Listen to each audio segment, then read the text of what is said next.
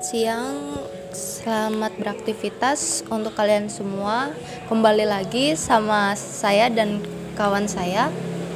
Saya sebelumnya saya akan memperkenalkan diri saya dulu. Perkenalkan nama saya Denur Fadila, saya dari Fakultas Ilmu Komunikasi Public Relation dan rekan saya Faiza Zarkiadita dari Fakultas Ilmu Komunikasi jurusan Public Relation.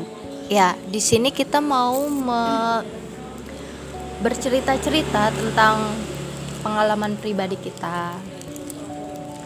Ya, secara yang kita di sini mau cerita yang horor-horor.